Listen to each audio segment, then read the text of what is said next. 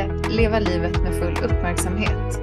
Här utforskar jag, Gabriella Picano, tillsammans med intressanta gäster hur man kan träna sina mentala och själsliga muskler. Podden som djupdyker i hur du kan må bra inifrån och ut. Vad betyder det att leva ett närvarande liv? För mig betyder det att leva på sina egna villkor och utanför ekorrhjulet. Att det man gör kommer från ens hjärtas längtan och inte från en massa måste, man ska ju. Att leva sin sanning. Roshi Dirakshan jobbar som psykoterapeut, holistisk coach och somatic breathwork facilitator. Och vad betyder det? Jo, man kan säga att hennes passion länge har varit att hjälpa klienter förstå sig själva, hitta hem till sig, läka och förbättra sina relationer. Vi fann varandra i vår gemensamma nyfikenhet på människan och viljan att förstå sambandet mellan kropp och själ, någonting som vi båda brinner för. Roshi har tidigare varit baserad i England och USA och nu är hon tillbaka i Stockholm och driver både eget, jobbar inom företagshälsovård och håller olika gruppsessioner och workshops. Välkommen Roshi till Work-In-podden. Tack, så kul att vara här. Hur är läget? Det är bra. Det är mycket som händer. Mm. Och börja komma ur juldimman och, och ruschen och börja försöka hitta fötterna på jorden. Så det är kul. Jag tänkte, jag brukar börja med att man får beskriva sin känsla för dagen. Mm. Min känsla för dagen har varit eh, lite pirrig. Eh, det är mycket som har, eh, många klientmöten som jag har haft under dagen. Eh, men det var himla skönt att komma ut och gå i solen. Så då fick jag lite positiva solstrålar på mig. Så det känns bra. Vad skönt. Och eh, de nya klienterna, är det liksom inom eh, psykoterapeut, eh, vad säger man, psykoterapiklienter? Ja, det är lite olika. Jag eh, jobbar ju både liksom privat och inom företagshälsovården. Och eh, idag har jag varit på företagshälsovården. Eh, och då är det mer nischat kring stress, utmattning, depression, ångest. Lite känslor som alla säkert kämpat med någon gång i sitt liv. Mm. Så det har varit lite extra krut på just de temana idag. Och vad, ehm, vad kan man se en gemensam röd tråd just kring, jag tänker stress kring arbetsplats och sånt. Vad är det som, vad är det som stressar folk när det kommer till jobbet? Det är väldigt olika. Jag möter ju eh, människor inom väldigt olika vad ska man säga, arbetsmiljöer. Mm. Eh, och beroende på om det är bara jobbrelaterat eller om det är också privata faktorer som påverkar så är det ju hela människan som påverkas. Man orkar inte hur mycket som helst mycket gemensamt är ju att vi har väldigt svårt att sätta gränser. Vi ska mm. maxa hela tiden, vi har inte mer tid än någon annan och så ska man vara så duktig på så himla många olika plan. Um, så en viktig punkt är ju att liksom försöka se lite vart man är. Hur ska man få balans i livet? Hur ska man få livet att funka utifrån ens individuella behov men också behoven av en arbetsgivare eller familj eller partner. Att se vad behöver man för få till för förändring för att hela livspusslet ska funka. Så intressant. Nej, det där med gränssättning, det känner jag inte alls igen. Nej, det är nog många som inte gör det. Ha? Det är så svårt och fast man också jobbar med det, även om jag inte coachar, jag har ju mest coachat eh, fysiskt, men eh, att man kan också lära ut saker som man själv inte är bra på. Det här med att leva som man lär, det är inte alltid att man själv gör allting rätt, men man ser så tydligt hur man ska hjälpa andra. Och då får man ju liksom, det är många gånger man, man eller liksom, i alla fall jag, kommer på mig själv att ah, men det där känner jag ju igen. Mm. Eller det här har jag jobbat mig igenom. Ja. Och också liksom att se att man går i perioder. Livet är inte bara liksom linjärt hela tiden. Vissa perioder funkar det lättare med gränssättning och vissa perioder gör det inte det. Mm. Så att försöka hela tiden kika av och se hur ser min livssituation ut just nu. För vi har stresstoppar. Samhället förändras, vi behöver hitta sätt att anpassa oss bättre. Mm. Och då behöver man ju utgå ifrån vart är jag nu? Exakt. Men om vi backar tillbaka lite så jag är först nyfiken på hur du kom in på den här banan. För du har jobbat ganska länge, du har jobbat tio år med det här. Ja, eh, som, som psykoterapeut. Men sen har jag liksom eh, jag bestämde mig för att jag ville gå in på den här banan när jag var 16. Så jag var ganska ung när jag hade liksom hittat mitt intresse. Ehm, Sen var det liksom att hitta rätt arbetsplats, rätt eh, utbildning, specialistutbildning. Eh, men också hitta det arbetssätt som passade mig. Eh, och den resan var ganska upp och ner. Eh, jag har jobbat inom olika arbetsmiljöer, på behandlingshem, på sjukhus. Eh, företagshälsovården kändes som en bättre plats, men även där fanns det delar som jag kände, mm, det finns lite, vad ska man säga, snäva linjer. Man måste förhålla sig till vissa saker eh, som jag inte alltid kände att jag kunde stå för. Och jag kände inte riktigt att det stämde överens med hur jag vill kunna jobba terapeutiskt. Mm. Um, och då valde jag att hitta min egen bana och startade eget. Så det är en lång resa. Ja, ja men det förstår jag. Men vad intressant att du ändå kände det så, så tidigt. Vad tror du det intresset kom från? Har du liksom sedan du var liten läst sådana böcker eller? Jag tror att jag um, alltid har varit ganska bra på att förstå mig på människor. Eh, jag har alltid varit ganska empatisk och inkännande. Ehm, och när man inte vet hur mycket man ska ta in och vart man ska ha de här gränserna så är det lätt att det går liksom rakt in i en. Ehm, men jag har alltid varit väldigt intresserad av varför gör människor som de gör? Vad, vad, liksom, vad styr deras beslut? Varför mår man på vissa sätt? Och Eh, vad driver människan? Så det var lite där, att jag ville förstå mer. Mm. Till att jag ville liksom vara med som en del av andras process också.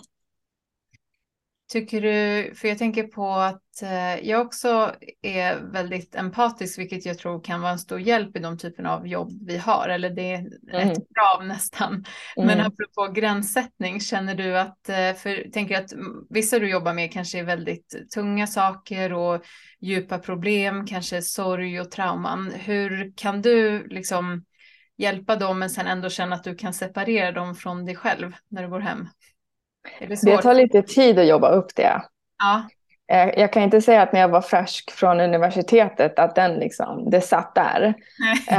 Um, det är liksom något man, man lär sig på att okej, okay, nu går jag in i en roll. Mm. Nu har jag liksom på mig den här hatten och när jag liksom avslutar min dag, hur behöver jag avsluta de här sakerna? Behöver jag skriva ner anteckningar? Behöver jag stämma av med någon kollega? Och hur ska jag se att det här handlar om den andra personen eller klienten och det här handlar inte om mig. Mm. Um, men det är klart, även idag så kan det vara så att jag möter vissa klienter som berör väldigt mycket och man tänker på dem. Mm. Um, mer från en empatisk känsla snarare än att känna att det är tungt och det drar, det drar ner en. Mm. Ja, men jag förstår. Det är säkert ett, uh. ett skydd eller vad man ska säga som du har, har byggt mm. upp aningen. Ja, men intressant. Och du har jobbat eh, både utomlands och i Sverige, eller hur? Ja. Berätta om den resan. Um, ja, men utomlands jobbade jag, um, konsultade jag ganska mycket och, och jobbade ganska uh, länge inom, uh, vad ska man säga, sjukvårdssvängen. Um, och då var jag inte eh, färdig eh, specialist, jag var inte färdig psykoterapeut då. Eh, men det är, det är en annan kultur. Det är, det är ett annat, liksom, en annan typ av mentalitet där.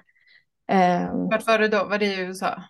Eh, nej, det var i London. I London, ja. ja. Och i USA gjorde jag något helt annat som inte var i psykoterapeutrollen. Mm. Um, då skulle jag vara med och, och, ehm, starta upp en vad ska man säga, high school och jobba mer coachande med elever och personal och lärare. Ehm, det var också kul att gå lite utanför den här vanliga rollen. Men det höll ju inte så länge för pandemin kom och ja. avbröt allting. Ryckte undan mattan. Ja, den har jag hört talas om. Ja, den, den fanns med några år sedan. Ja, just precis. Nej, men, mm. ja, jag kan tänka mig att det är stor skillnad på att jobba inom sjukvård och mer, ja, till exempel inom företags hälsovård? Var det tyngre inom sjukvården eller vilken typ av... Eh, hur jobbar man då? Då möter man personer som är inlagda patienter på grund av liksom somatiska, alltså kroppsliga besvär och ska kanske göra en bedömning av hur de mår eller är de, behöver de speciellt stöd när de går hem, behöver de stöd i sitt nätverk eller ha, ha resurser utifrån. Medan mm. här så jobbar jag med kompetenta personer. De jobbar, de är liksom på tå. Mm. Eh, men eh, det finns svårigheter där. Eller så har de jobbat så pass mycket att de har blivit utmattade och behöver en sjukskrivning. Eh, så på, i sjukhusmiljön är det mer fokus på det kroppsliga eh, som påverkar det psykiska. Mm. Eh, och här är det miljöfaktorer och eh, liksom arbetsrelaterad stress eller stress i privatlivet som resulterar i psykisk ohälsa. Mm. Ja, det kommer från kanske olika håll. Ja, det är olika bakgrund, ja. men båda påverkar ju människan. Och vad skulle du säga är det, det bästa med, med jobbet? Eller en av sakerna, det finns säkert mycket. Eh, det är väldigt kul att se um, utvecklingen. Att mm. se att människor faktiskt mår mycket bättre. Um, att de kommer tillbaka och liksom har jobbat på att skapa en egen förändring, får tillbaka motivation, får tillbaka sin egen kraft att ta kontrollen över sitt eget liv. Uh, och se dem växa i det. Mm. Se dem liksom vara glada över att jag har gjort det här, jag har åstadkommit de här förändringarna. Det är ja, jättekul. Det fantastiskt, för de, de känner ju säkert att du har hjälpt dem mycket, men du ser att, att du har gett verktygen, men att de faktiskt klarade att göra någonting som de kanske inte trodde. Det måste verkligen vara fint att se det. Jobbet är ju egentligen inte det som sker i terapirummet. Jobbet är det som sker där ute, mm. mellan gångerna. Det är där man faktiskt integrerar det man har pratat om och ventilerat och reflekterat kring. Så det är där liksom klienten gör jobbet. Ja, och det är där de också kan komma tillbaka och säga, men vi har ju pratat om de här sakerna, men jag har agerat på det. Mm. Och se att shit, det händer faktiskt saker med ett annat sätt eller ett annat perspektiv eller med de här verktygen. Ja, det förstår jag. För skulle man bara gå till dig och aldrig göra något däremellan, då skulle det kanske inte hända så mycket. Och sådana klienter finns det också. Mm. Och då är det ibland att hjälpa dem komma ur den situationen. Att mm. gå från att vara kanske lite mer passiv, vilket det kan finnas orsaker till, men att hjälpa dem börja ta de här första kliven. Mm. Och ibland är det bara att liksom börja aktivera dem med det allra mest grundläggande. Sömnen, maten, kosten, ja. eh, liksom träning. Finns det, mm, vad skulle du säga är det mest utmanande eller svåraste med jobbet? Jag tycker att det kan vara ganska jobbigt. Ehm, det kan vara lite svårare jobbigt, alltså svårjobbat när man har vissa klienter som har svårt att komma ur det här. Där man jobbar väldigt mycket för att de ska ta det här första klivet. Ibland kan mm. det ta ganska lång tid.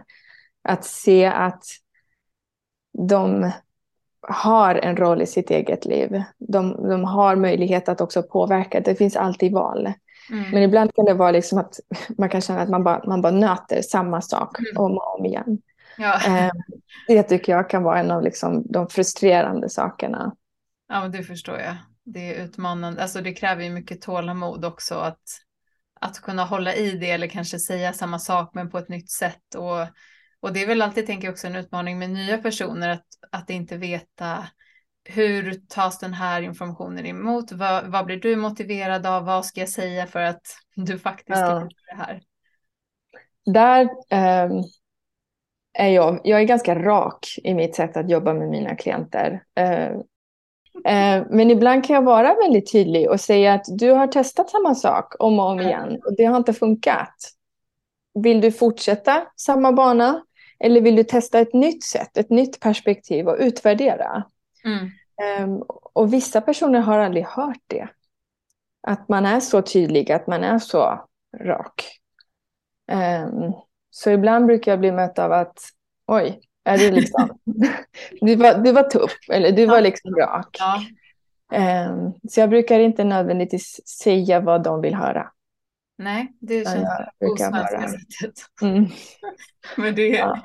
det kan jag ändå tänka mig att det, alltså det är bra. Det, det, är klart att om någon säger så här, nu har du just det här Gabriella fem gånger, fått samma resultat, tror att den sjätte kommer bli annorlunda.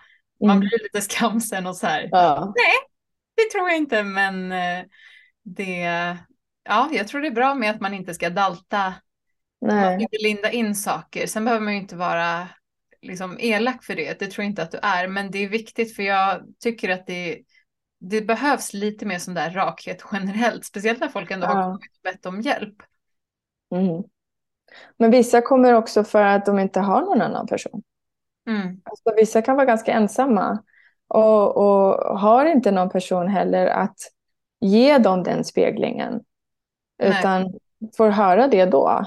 Och att liksom aktivera skam eller att en patient eller klient känner sig provocerad. Det är bra, för då har man någonting att jobba med. Mm. Du vet, då, då, trycker man inte undan de här känslorna som de kanske faktiskt går och bär på. Då kommer de plötsligt upp och då kan man jobba med det. Ja, det väcker eh. någon form av gnista kan jag tänka mig. Ja, det, det, det, skapar någonting. Du vet, det skapar en ilska eller en frustration. Ja. Um, och ibland har jag klienter som blir arga. Och jag är glad över det, för då finns det någonting man kan jobba med. Mm. Um, så jag upplever att det här liksom raka sättet har landat ganska bra hos dem jag jobbar med. Det kan Vilket funkar för mig. Ja, nej men eh, bra, bra grej. Jag har upplevt att de som jag har coachat inom eh, just när det gäller mindfulness och så framför allt, eh, men även andra klienter som jag känner väl, att många har kanske svårt att komma i kontakt med sig själva eller de har svårt att veta vad de verkligen vill. Om man säger, ja men följ ditt hjärta, men jag vet inte riktigt och jag vet inte vad jag vill. Och mycket av det är baserat på att vi, vi utgår så mycket från våra för, förväntningarna på oss. Mm. Hur upplever du, kan du känna igen det? Har du upplevt det?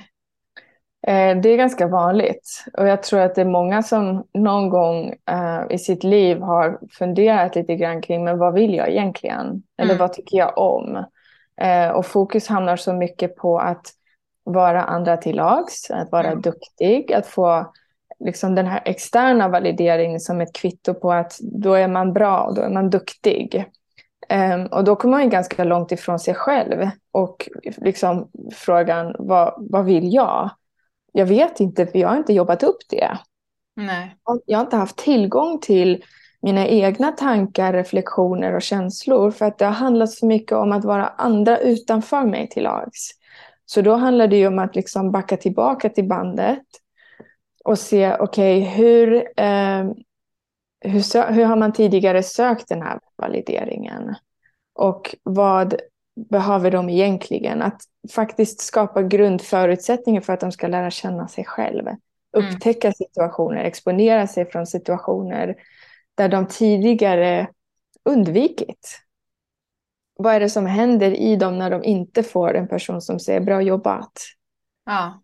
Och det handlar om att utsätta sig själv, eller man kallar det för att exponera sig själv för situationer och sammanhang där man får se, okej, okay, men vad tycker jag om det här? Och för vissa personer kan, kan det vara grundläggande. Jag, vad tycker jag om att äta? Vilken musik tycker jag om? Vad gillar jag för filmer? Att det har liksom länge varit att man hela tiden checkar av med någon annan. Mm. Okej, okay, men då, då hakar man väl på det. Mm. Och då blir ja. det liksom inte dålig stämning. Nej, lite så. Det, det roll för mig. Ja. Mm. Och okej, okay, men vi, om du får välja mellan de här två och du inte vet, vi säger att det är två rätter, maträtter, gör det enkelt. Om du ska välja mellan de här två maträtterna, vilken tycker du bättre om? Om man inte vet det, okej, okay, men ska du testa att smaka båda två? Och se vilken tyckte du bäst om? Så nu gör vi det väldigt lätt. Mm. Men det kan vara i andra situationer att se, okej, okay, hur kan du börja upptäcka nya sidor av dig själv genom att inte fråga andra så mycket? Ja.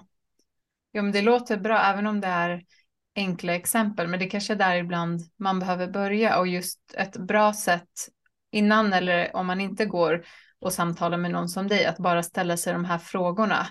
Mm. Vad vill, eller vad gillar jag, eller vad gillar jag av det här och det här? Mm. För För det är lätt att fastna. Jag kan känna igen mig i vissa perioder att man kan tänka, ja ah, men det här, eh, det här kan jag inte göra för att eh, jag ska göra det här. Och sen när man inser att ja, men det är bara för att jag tror att det förväntas av mig, inte för att jag, jag hade bestämt det för jag trodde att det var bäst eller det var någon annan som ville.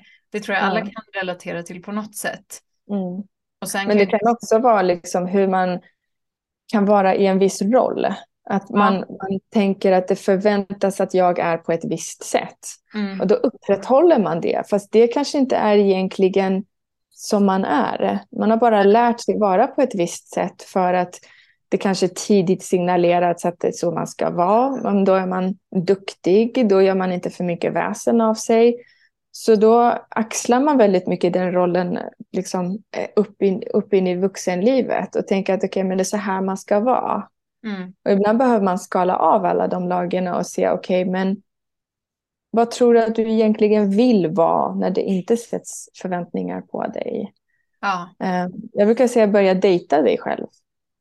Börja upptäcka sidor av dig själv genom att vara i situationer. Och, och känna efter. Mm. För många är ganska bra på att vara uppe i huvudet och intellektualiserar och, och tänker en massa. Men de har egentligen ingen koppling till hur känns det här?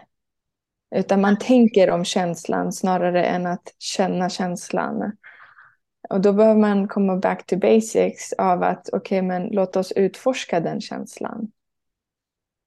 Och det är till exempel när man undviker skuldkänslor. Så då gör man kanske mer vad andra tycker att man ska göra. Man sätter inte gränser, man säger inte vad man själv vill eller behöver för att man har länge undvikit att känna dåligt samvete eller undvikit känslan av att inte vara lika duktig eller lojal. Mm. Då behöver man möta den känslan och se, okej, okay, men vad är det som jag har undvikit? Och uppleva känslorna från början. Och det kan jag tänka mig är väldigt skrämmande för många mm. om man inte har mött dem. Mm. Men kan man om man tänker då att man vill börja dejta sig själv, spontant tänker jag att då är det bra att man kanske är lite mer ensam. Mm. Man ska inte dubbeldejta, ha ja. andra med sig själv och kanske ja, men lite mer tystnad också för att mm. uh, höra och känna. Men många kan ju tycka att det är väldigt eh, svårt eller jobbigt att till exempel sätta sig och meditera, sätta sig helt mm. tyst och tänka att man ska meditera. Mm. Uh, hur skulle man kunna börja en, vad skulle första dejten kunna vara? Men för många är ensamhet en jättejobbig känsla. Många upplever ensamhet även om de lever i en relation, även om de har ett stort nätverk av vänner. Att de ändå känner att det finns liksom ett, ett vakuum där. Som ett första steg kan ju vara att liksom gå ut och ta en promenad i skogen och lyssna på en podd, men gör det själv. Mm. Eller eh, liksom gör någon aktivitet hemma, lägg pussel, någonting där du får verkligen sitta med dig själv när du gör någonting aktivt. Mm. Det kan vara svårt nog för många. Man, man, mm. Vissa klarar inte av att vara själv. Nej. Här är det en skillnad mellan att vara själv och känna sig ensam. Ja. Vissa klarar av att vara själva. Ja. Det är känslan av att vara ensam som kan vara läskig. Mm. Att också skapa lite distans med att det är inte samma sak. Nej. Vad är det i ensamheten som är läskig?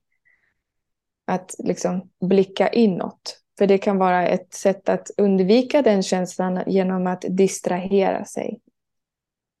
Genom att alltid liksom vara runt människor eller dricka alkohol eller tröstäta. Det kan finnas massa strategier som personer har liksom utvecklat fram för att trösta just den känslan där och då. Mm.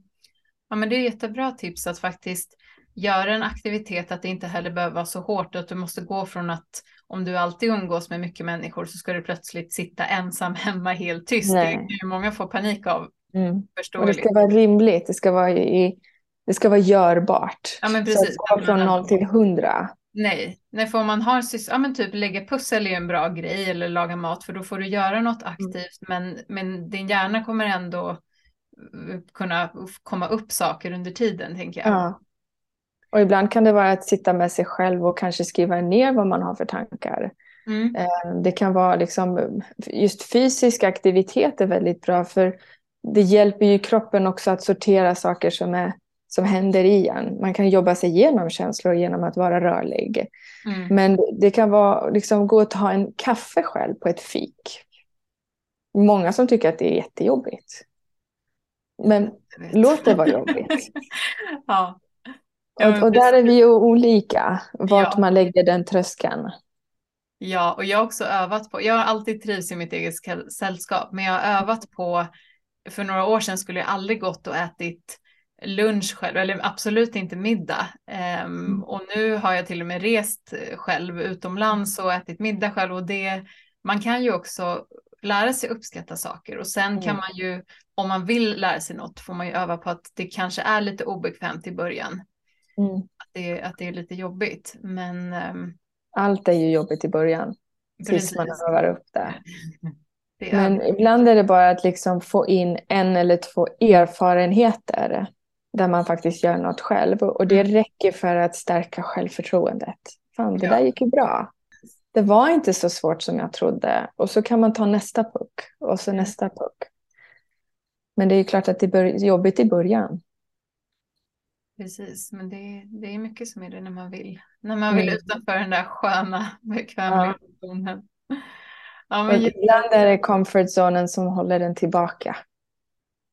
Det är så intressant det här med ensamhet och att vara ensam och att vara själv. Men jag tänker på det som du lite kom in på. Ja, just det, det var det jag tänkte på. För ett bra trick som jag både brukar göra själv och tipsa mina klienter när man, är, när man känner att man är så mycket i huvudet är just att flytta sig ner till kroppen. Alltså att mm. träna eller röra på sig för att men på ett sätt där du behöver kanske tänka lite på vad du gör. Så kanske om du gör styrketräning eller mm.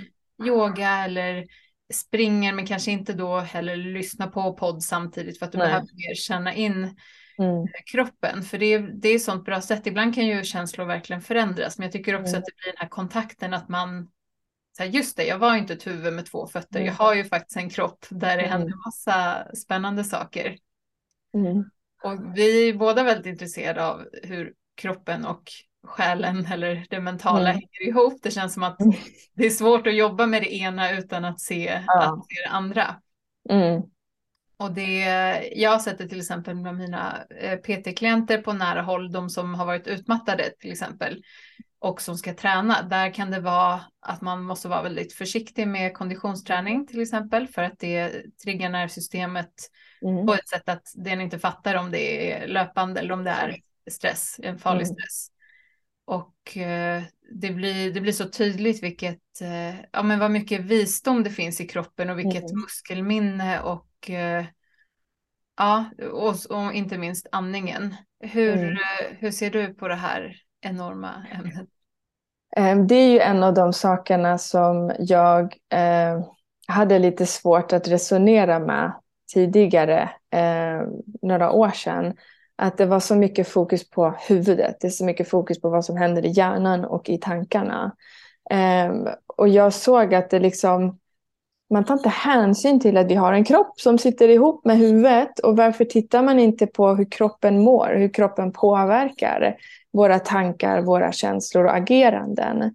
Och man, man vet ju att om man liksom har lågt D-vitamin, B-vitamin och liksom om magen inte mår bra så påverkas ju vår psykiska hälsa. Um, och det var då jag började utforska mer och mer kring uh, breathwork och andningen. Um, för att man ska kunna förstå vad som händer i ens egen kropp och lära sig reglera sig själv, reglera sitt nervsystem, skapa förståelse och lite distans till att man har känslor, man har tankar, man är inte alltid dem. Mm. Um, och det var där jag började vidareutbilda mig i somatic breathwork och där har jag integrerat det i psykoterapin.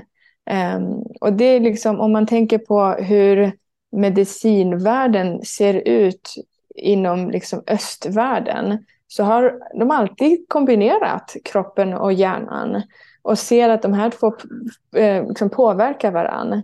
Men mm. i väst så har man ju separerat de här två. Och utgår ifrån att okej, okay, vi ska bara gå på symptomen, vi ska gå på det som händer i hjärnan utan att riktigt märka att kroppen påverkar ju.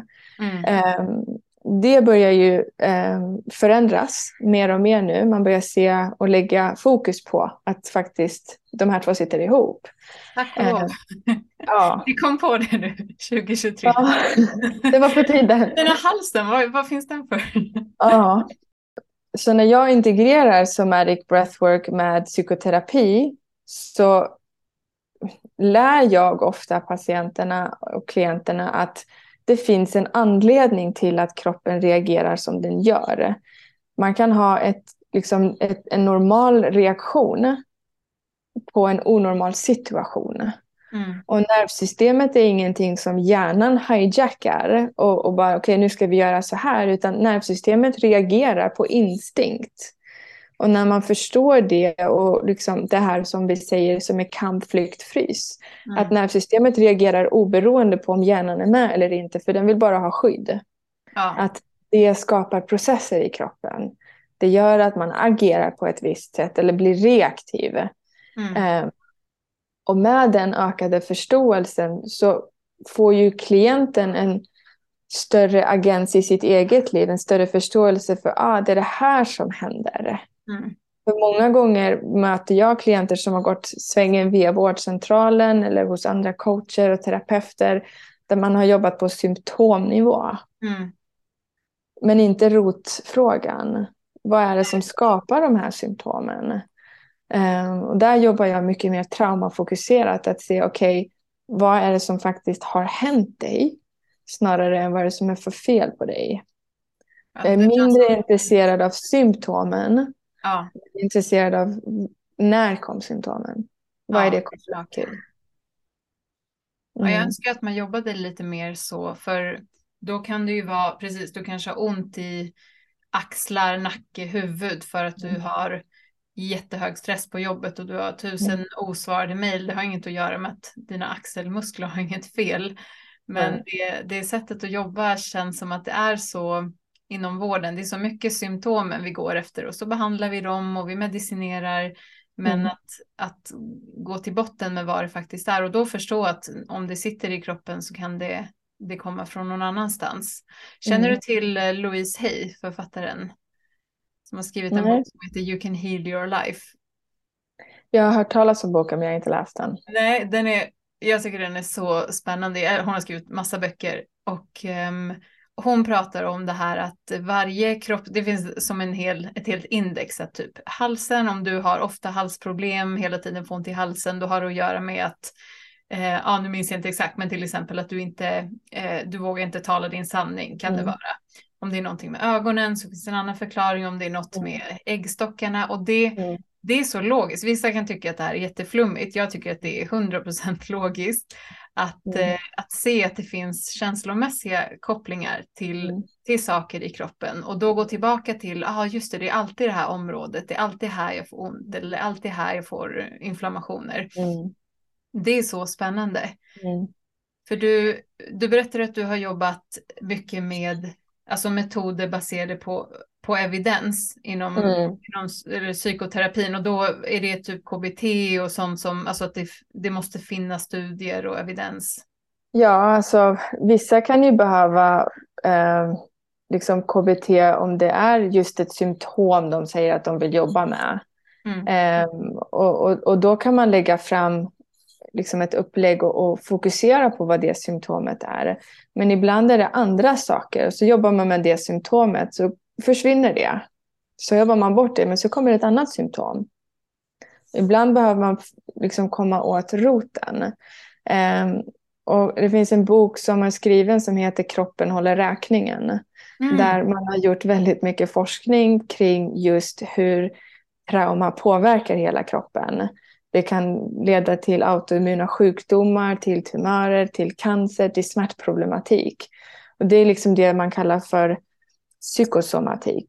Mm. När man kan ha mycket smärtproblematik till exempel som inte har en koppling till kroppen men som är psyk, eh, kopplat till hur vi har det psykiskt. Ja. Eh, och nu börjar man se mer och mer av det.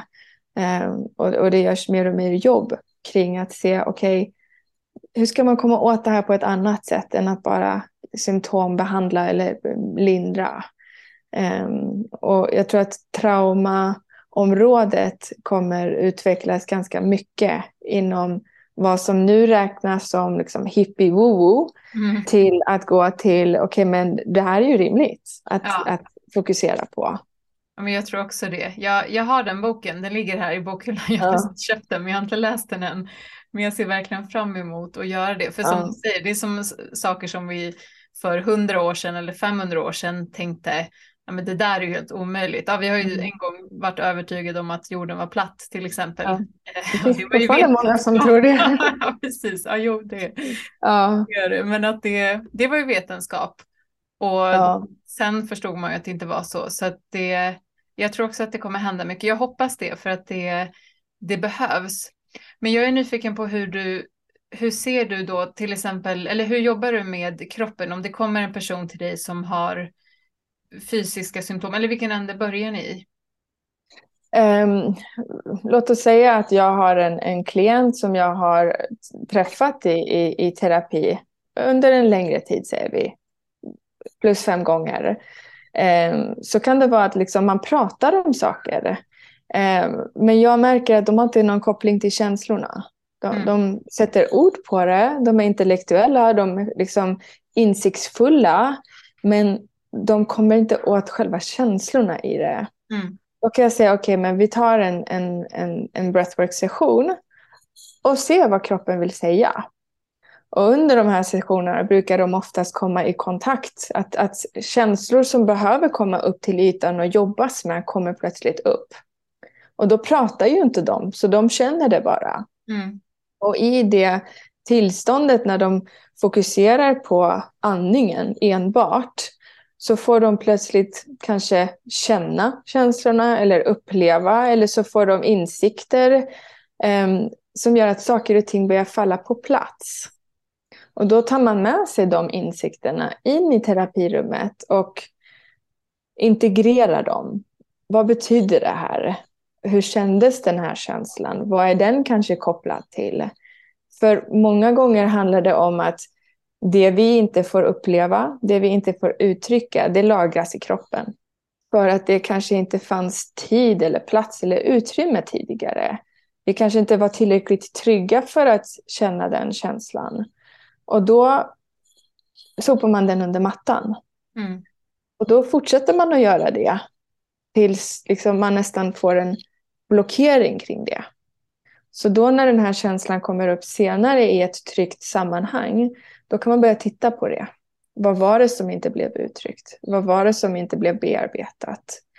Och många gånger när man liksom pratar trauma så tror ju många att det är liksom stora trauman man måste vara med om. Men det är inte det. Det finns komplex trauma, det finns saker som har hänt i vår barndom eller i tonåren som är obearbetade. Där vi kanske inte har fått komma till vår fulla rätt. Mm. Där vi inte har fått uttrycka oss själva autentiskt. Vilket då kan leda till att man, man, man stänger den dörren. Man känner sig inte tillräckligt trygg för att vara sig själv eller uttrycka. Och då behöver man igen se, okej, okay, men vad behövde få uttryckas där och då? Och hur kan du göra det idag? Hur kan du möta de delarna som inte fick plats tidigare? Så mycket av det här jobbet handlar ju om att hjälpa personen hitta tillbaka till sig själv. För då kan de här förtryckta känslorna annars komma upp till exempel i ett fysiskt uttryck? ja, att man kan vara reaktiv. Mm. Och det är där det kan leda till att man kanske plötsligt formar ett utåtagerat liksom, beteende. Man kanske blir väldigt aggressiv och plötsligt så blir det en, låt oss säga en överreaktion på någonting som egentligen är en liten sak. Mm, jag förstår. Och då kommer plötsligt allting upp till ytan.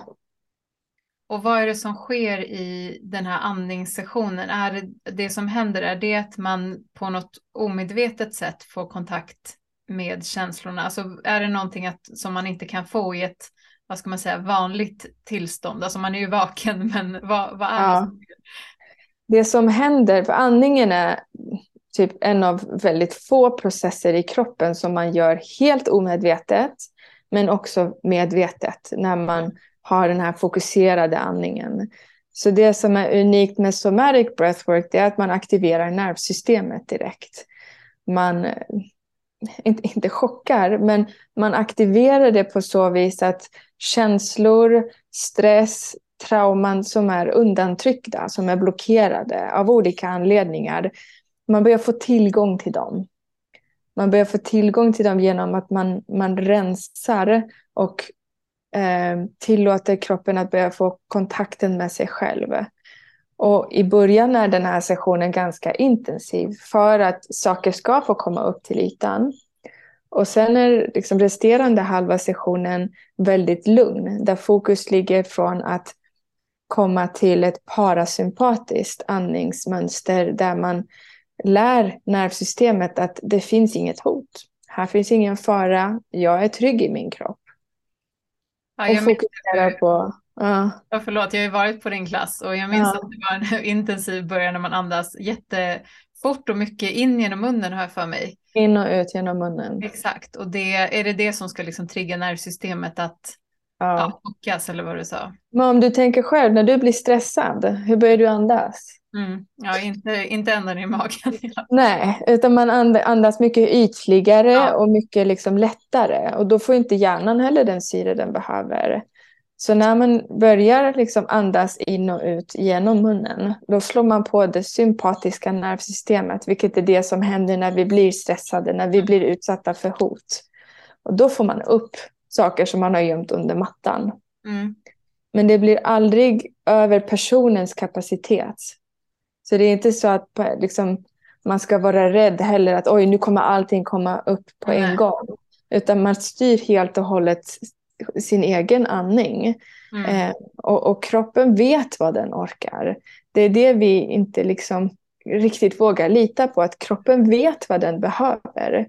Vi behöver bara ge den det utrymmet och den trygga platsen att få vara och kommunicera med oss och inte bara liksom klippa av den nacke upp. Nej. Och det jag kan tänka mig att det kommer upp, alltså att folk kan bli både ledsna och glada, eh, kanske skrika eller hur brukar ja. det? Det kan vara tårar, det kan vara eh, sorg, det kan vara glädjetårar, det kan vara skratt. Många gånger är det saker som de inte känt länge eller inte tillåtit sig själva att få känna. Och då att plötsligt få kontakt med det och se att ah, men, gud vad skönt, jag behöver inte gå runt och bära på det här i min kropp längre. Mm. Jag behöver liksom inte trycka undan för det vi inte förstår medvetet är att det tar väldigt mycket kraft och energi att hålla nere känslor. Mm. Det är lite som att ja, men föreställ dig att du har en, en, en badboll som har, som har luft i sig som du trycker under en vattenyta. Det, det är lätt i början men till slut så kommer du få ont i armarna. Den mm. badbollen kommer flyga och, och kanske slå dig i ansiktet. Då har du inte kontroll över det som du trycker ner. Och Nej. badbollen representerar känslor. Ja. Som vi behöver energi och ork att trycka ner. Ja, för annars kan det bli som du säger att kanske i en helt annan relation eller någon situation så reagerar man på något jätteöverdrivet sätt på någonting som ja. man inte alls eh, borde ha gjort. Ja, som inte är i proportion till just den händelsen. Precis. Men det här med trauman är ju jätteintressant och som du sa, jag tänker också att trauma är något helt fruktansvärt ofta som man har varit med om och som man mm. minns. Men det kan också vara som du säger saker man inte med eller sådana här små saker som till slut mm. blir stora. Hur är det med det här som kallas för, kallas det för nedärvda trauman? På svenska, Inter generational ja, trauma. På engelska heter det intergenerational trauma. Intergen ja, precis. Det är ja. jag på. Berätta. Vad tror du att det är då? Jag tror att det är typ eh, dina förfäder var med om krig och du kan ha, eller till exempel om du är kvinna och så var dina kvinnorna före dig förtryckta så kan du ha kvar de känslorna fast du inte mm. är förtryckt eller känner dig förtryckt. Precis. Och det kan man nu också se att liksom, trauma kan man ärva genom födelsekanalen. Alltså mm. att man föds med det. Och ibland kan det innebära att liksom, man själv har inte gått igenom det traumat. Men man har hört det, man har liksom ärvt saker som har följt med. Mm. Um, och kan då ha samma typer av traumaresponser som om man själv har varit utsatt för det. Och ibland vet man inte om det här. Men sitter det liksom i nervsystemet då eller att det sitter att det har programmerats för att man har lärt sig det rent intellektuellt? Nej, men det, det sitter i generna. Man har ja. kunnat se att det är liksom på, på en, en, en liksom djup nivå. Ja. Och nervsystemet den reagerar på annat. Mm. Det här kan ju vara liksom allt ifrån, om vi tittar på förintelsen, Mm. Du vet, unga vuxna idag har ju inte genomlevt det, men de ärver ju historien. Mm. Och det finns ju massa andra exempel. Men det handlar ju om att, eller liksom barn som har haft föräldrar eller farföräldrar som har levt under krigsförhållanden. Att det sitter i deras system och de kan ha en traumarespons som om de själva varit utsatta för det. Och ibland förstår man inte det för att, men vadå, jag har inte levt igenom det. Nej, men ditt system reagerar. Så då bör man utgå ifrån det. Det är så intressant. Alltså man fattar hur otroligt smart kroppen är, även om det här kan vara på ja. ett negativt sätt. Men just det här också att mer våga lita på kroppen, att den håller oss så att den klarar mer än vi tror och vet sina gränser. Mm. Det känns som att vi har tappat lite det idag för vi ja. i huvudet bestämmer över kroppen. Och, vi lyssnar inte. Nej men precis, nu bestämmer jag att jag ska träna så här fem dagar i veckan för att det passar in i schemat. Inte att känna, men vad vill jag ha? Mm. Och det är liksom en av de sakerna som blir väldigt vanligt eh, vad ska man säga, att det framträder framförallt med patienter som blir utmattade att det har ju funnits signaler innan mm. de liksom kom till att nå den där väggen. Att de lyssnade inte på att de kanske hade det här trycket över bröstet eller att de var väldigt trötta. De här kognitiva försämringarna av koncentration och minne. Och det är liksom, jag brukar säga att okej, okay, så du lyssnar inte på de första två, tre signalerna. Nu bromsar din kropp dig för att du behöver en förändring. Mm. Och det kan ju vara med andra saker också. Att mm. vi behöver bli bättre på att lyssna på vad vår kropp behöver. Och då behöver vi sakta ner tempot. Ja, exakt. Det är kroppen. Kroppen det här med att, Ja, och det är det här jag brukar säga. Liksom. Det är där den här boken är så bra. Att kroppen minns allting som huvudet glömmer. Mm. Den sparar allt. All information lagras. Um, och när man inte lyssnar, då kommer kroppen göra sitt för att försöka bromsa. Ja, den kommer ju skrika och säga, kommer hon fatta snart eller är hon dum i huvudet? Eller behöver jag lägga in en till växel ja. för jag orkar inte hur mycket som Nej, helst. precis. Mm. Men um, vad, jag tänker vad ska man göra då? Om man, dels om man känner så här, åh jag vill inte att mina barnbarn ska ärva trauman från mitt liv. Eller mm. att man går och inser att man kanske har massa saker. Alltså hur raderar man hårddisken om man säger så av alla de här traumorna som har samlats? Det kanske inte handlar om att man ska radera hårddisken. Eh, och det är inte alla som upplever trauma eller PTSD. Vi är alla olika. Vi har olika reaktioner på väldigt olika situationer.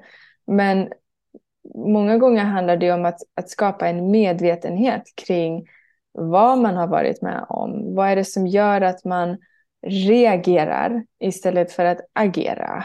Mm. Och hur behöver man säkerställa att man inte blir gisslan för sina känslor och istället liksom har en, en möjlighet att påverka. Barn kan, de kanske inte ärver dina trauman, men de kanske får sina egna trauman. Mm. Um, och bara för att jag blir påverkad av någonting betyder inte att min granne eller min kompis eller min syster kommer bli påverkad av samma sak. Så jag tror inte att man kan ha en one size fits all modell. Nej. Utan man behöver utgå ifrån hur saker och ting påverkar en själv på individnivå. Mm. Och se vart kan jag skapa förändringen i mitt liv. Nej, det är klart, för vi är ju inte, vi är ju så olika och vissa har väl också starkare kanske ja, motstånd mot eh, stress eller mot ja. vad det kan vara. Men eh, det är en väldigt bra generell insikt det här med att agera istället för reagera. För det kan ju vara att man hela tiden bara blir offer för vad, vad som händer en och man, man är passivt och måste reagera på allting och istället mm. då ta makten över, okej vad mm. kan jag göra innan det alltid blir en reaktion. Mm. Och blir man, upplever man att man är väldigt, att man liksom allt mer börjar bli reaktiv i situationer, då är ju det en ganska tydlig signal på att någonting är off. Mm. Då är vårt nervsystem dysregulerat för att den reagerar hela tiden som om det finns ett hot. Mm. För vår kropp klarar stress. Vi är byggda för att klara stress. Det är därför vi har kortisol som skjuts in. Det är därför vi har adrenalin. Men när det pågår under en längre tid, eh, då är det som att det här, det är som att vi har ett brandlarm. Ett inbyggt brandlarm. Brandlarmet ska ju larma oss när det finns rök, när det finns en brand. Det är ett hot på riktigt, vi måste därifrån. Mm. Men ett brandlarm ska inte gå igång när man tänder ett ljus. Mm. Då har ju det här brandlarmet förlorat sin funktion. Den larmar för minsta lilla. Mm. Då bör man kanske ta ner den, byta batteri, liksom se, okay, varför är den överkänslig? På samma sätt funkar vi människor. När vårt nervsystem har varit i ett tillstånd där den har varit reaktiv över en längre tid, då kommer den vara superkänslig på minsta lilla sak. Mm. Då är den överreaktiv. Då börjar man kanske fastna i vissa tankebanor. Då kanske man börjar bli väldigt självkritisk. Då kanske man får mer och mer ångest. Det, det kan leda till alla möjliga situationer. Så just det här att vara väldigt reaktiv är ett ganska bra signal på att något är off. Här behöver jag hitta vad som är off. Här behöver jag reglera mig själv. Och då är breathwork ett jättebra sätt, eller meditation, eller öka sin träning. För att kroppen ska göra sig av med framförallt stresshormoner. Men också ta lite paus. Ta det lite lugnare. Bra beskrivet, just också för de som kanske känner att någonting är off eller fel men inte kan sätta fingret mm. på vad.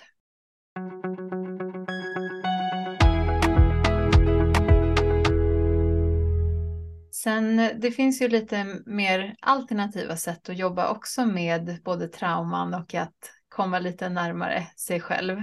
Mm. Berätta om hur, hur du jobbar med det eller vad man kan, hur man kan få tillgång till sitt inre.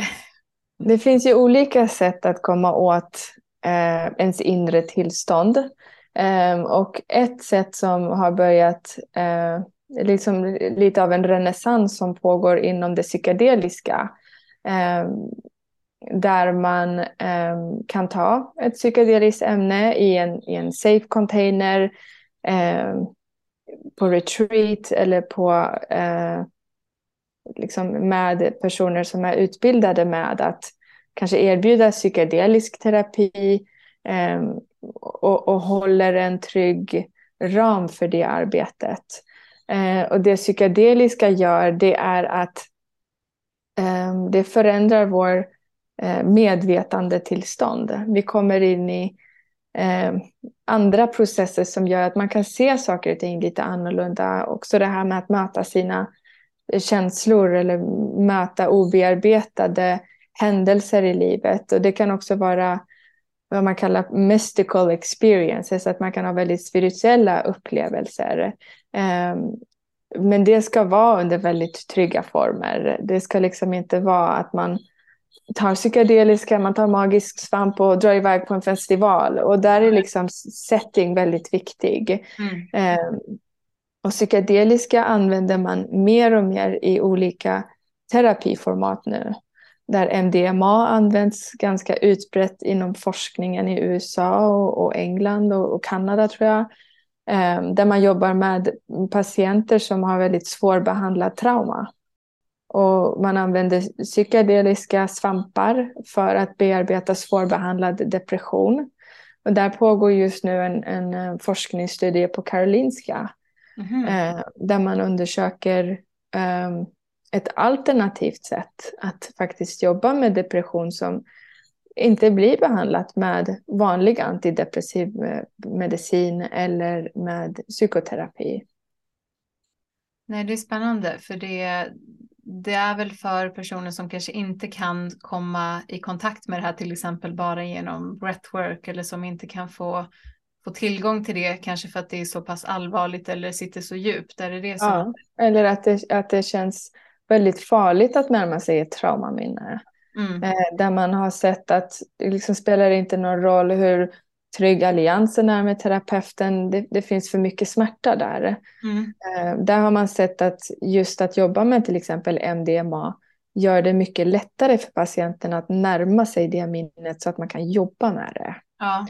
Eh, och det, gör, det arbetet har man påbörjade man med krigs, krigsveteraner.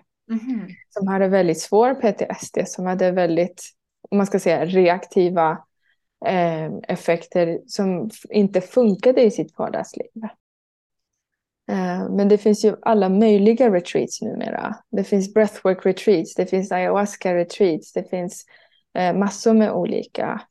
Eh, och ett retreat som jag har samarbetat lite med, de heter Nysnö. och erbjuder olika program i Holland utanför Amsterdam. och det är också under väldigt kontrollerade former. Det finns ett program, det finns personal som är utbildade eh, i en väldigt safe container. Mm. Men det är inte heller för andra, för alla. Alla. Nej, men det är intressant att det kommer upp på, på tapeten, för det är ju kontroversiellt och mm. det finns en del risker, men det finns ju också väldigt mycket risker och biverkningar med många andra saker som är väldigt lätta att få utskrivna, till exempel antidepressiva. Mm. Så det det är alltid intressant när det diskuteras alla sidor av myntet, mm. tycker jag.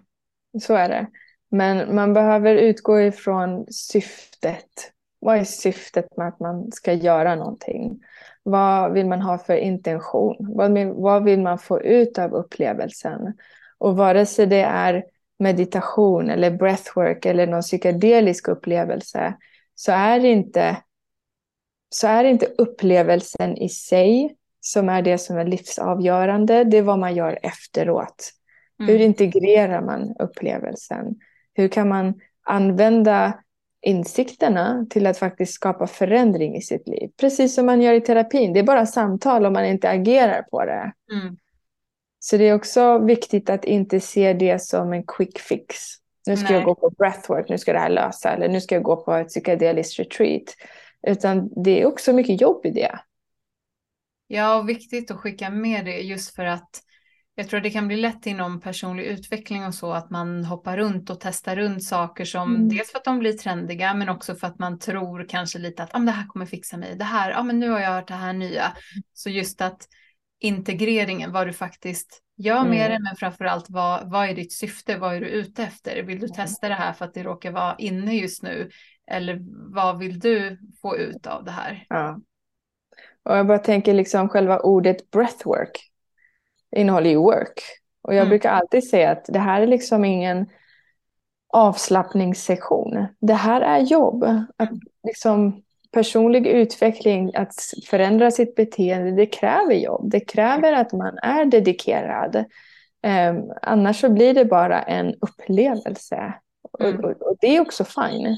Men vad är syftet? Mm. Varför vill man göra det och, och, vad är det för förändring man vill ha? Och är man villig att jobba för det? Mm. Precis.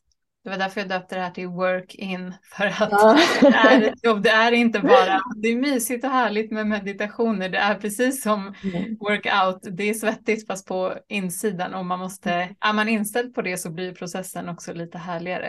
Mm.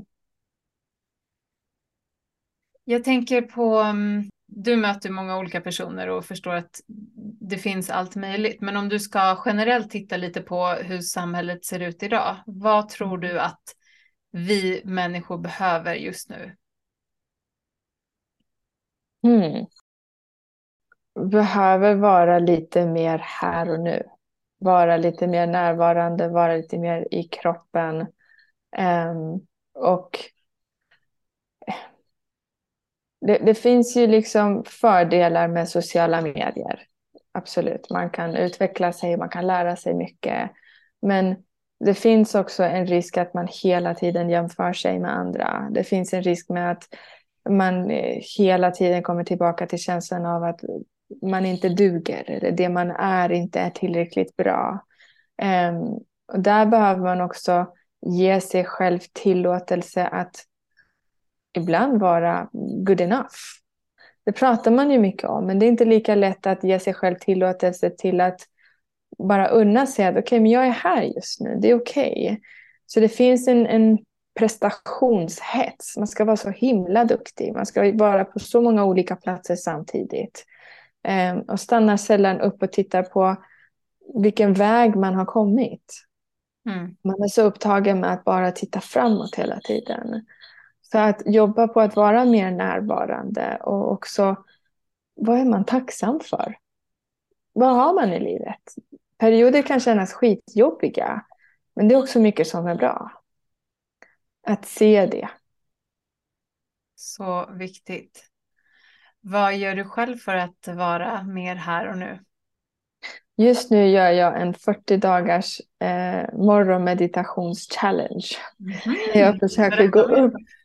Eh, jag har en app som heter Insight Timer. Ah, jag eh, ja, där jag eh, kör en morgonmeditation. 10 minuter eller 20 minuter beroende på hur mycket tid jag har. Eh, där jag är uppe i 14 eh, dagar nu. Bra. jag tänker att jag ska göra det i 40 dagar och sen se hur min morgon har förändrats, hur jag har förändrats.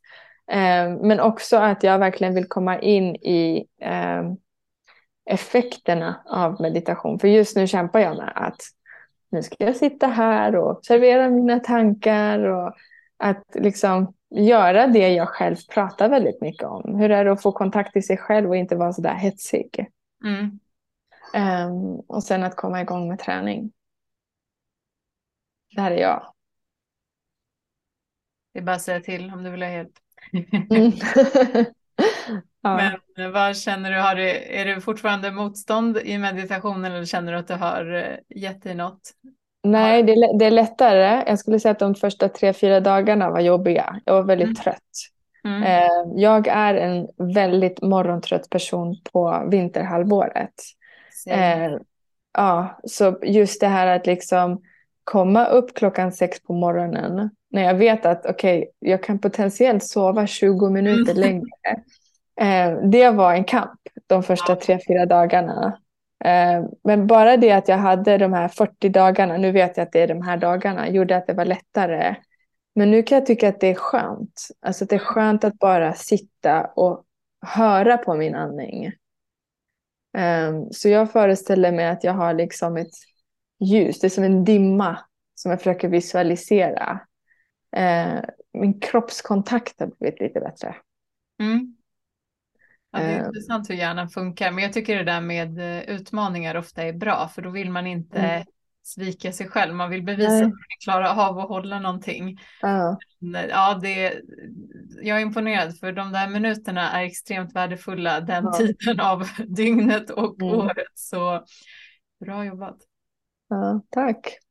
The work continues. Ja, precis. Men det är bra att vi också får öva på att leva som vi lär ibland. Ja. Men det är liksom, det är tufft. Det är liksom, man ska få till det. Ja.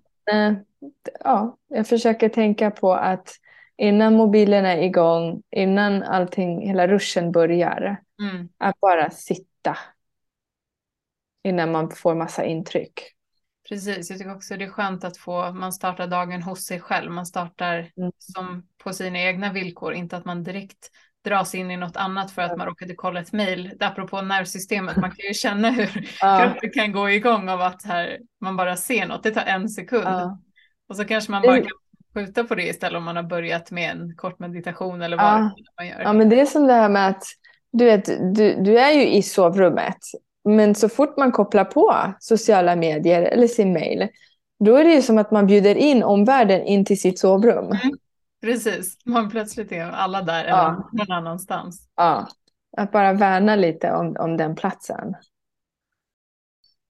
Innan vi avslutar så nu håller jag på att samla in lite tips om gäster som kan vara intressanta att lyssna på. Så om du har något spontant tips på en person du skulle vilja att jag bjöd in får du gärna dela med dig. Uh, jag kommer inte på någon just nu. det är okej. Jag har massa tips på böcker dock. Ja, men det kan vi ta. Ehm, Jag kan verkligen rekommendera eh, När kroppen håller räkningen. Mm. Eh, Om man känner mycket stress så eh, brukar jag ofta tipsa om Hjärnstark som är skriven av Anders Hansen. Mycket bra. Ehm, Jag älskar Dr. Gabor Maté Mm. eh, som pratar väldigt mycket om trauma, påverkan och han har precis släppt en bok som heter The Myth of Normal. Just det. Ehm, Den är också väldigt bra ehm, som jag kan rekommendera. Och sist men inte minst så finns det eh, Nicole Lepera som också Ja. är väldigt känd på Instagram. Hon, hennes första bok var How to do the work. Så om man är nyfiken på just det här med att lära sig mer om sig själv eller hur man ska möta olika sidor av sig själv eller förstå trauman eller stress eh, så är det en väldigt bra bok att utgå ifrån. Grymt bra tips på böcker och eh, vem vet, jag kanske ska försöka bjuda in författarna. Ja, De är inte alls upptagna, Nej. så de säger säkert ja. mm. Ja men fint Roshi, tack snälla för att du delade tack med dig. Tack för att jag fick komma. Eller tack för att jag fick prata. Tack och eh, tack till alla er som lyssnar. Vi hörs igen i nästa avsnitt.